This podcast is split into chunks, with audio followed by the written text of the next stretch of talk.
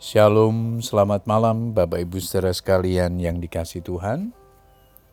Kita bersyukur kepada Tuhan untuk penyertaannya, perlindungannya, dan segala berkat Tuhan yang boleh kita nikmati sepanjang hari ini.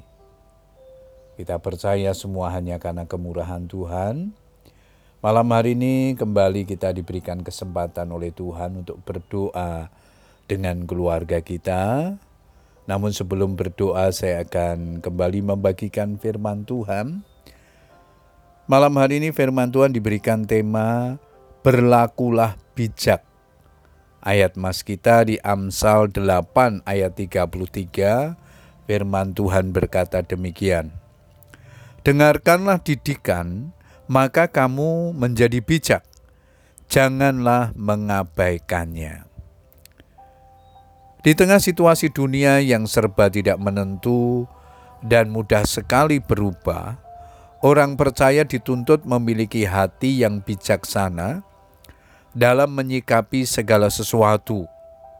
Sebab kalau tidak, kita akan mudah hanyut oleh derasnya arus dunia ini yang membawa kita semakin jauh dari Tuhan. Jika kita tidak punya hati yang bijaksana, kita akan mudah sekali kecewa, sakit hati, marah, putus asa, mengasihani diri sendiri, dan mengikuti keinginan daging.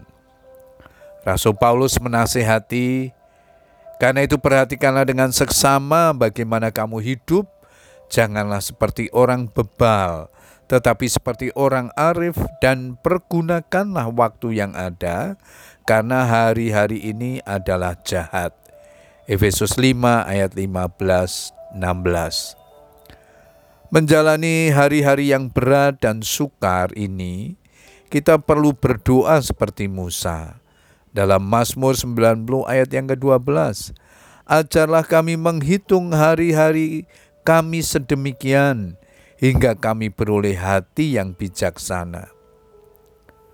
Secara etimologi bahasa, Orang bijaksana adalah orang yang mampu bersikap dengan tepat di setiap keadaan atau situasi, merespon dengan sikap hati yang benar setiap peristiwa atau kejadian yang terjadi dalam hidupnya.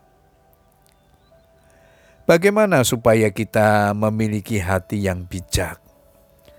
Amsal 8 ayat 32 33 di sana dikatakan Berbahagialah mereka yang memelihara jalan-jalanku. Dengarkanlah didikan, maka kamu menjadi bijak.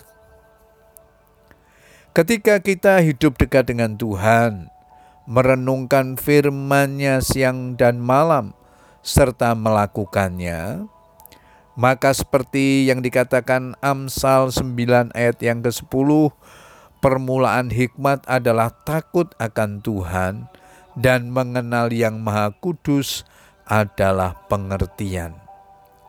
Hikmat yang sejati hanya dapat kita peroleh melalui hubungan karib kita dengan Tuhan. Karena dia adalah sumber hikmat.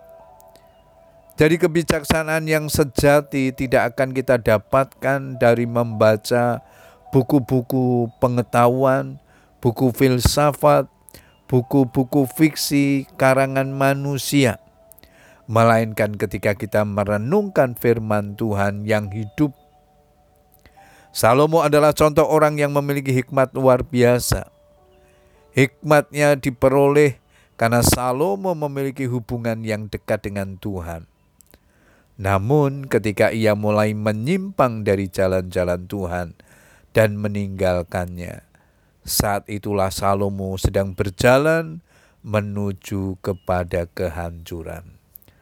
Bapak Ibu Saudara sekalian yang dikasih Tuhan, memiliki hati yang bijaksana adalah hasil dari orang yang berproses, yaitu orang yang taat dan hidup dekat dengan Tuhan.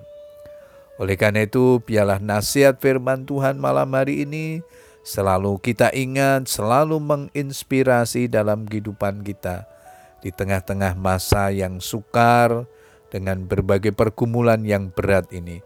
hiduplah selalu dekat dengan Tuhan. Selalu berpegang teguh kepada firman Tuhan. Maka Tuhan akan memberikan hikmat dan kebijaksanaan kepada kita dalam menjalani hidup ini, dalam mengambil keputusan-keputusan yang penting bagi kehidupan kita. Selamat berdoa dengan keluarga kita, tetap semangat berdoa dan berharap kepada Tuhan. Tuhan Yesus memberkati kita semua. Amin.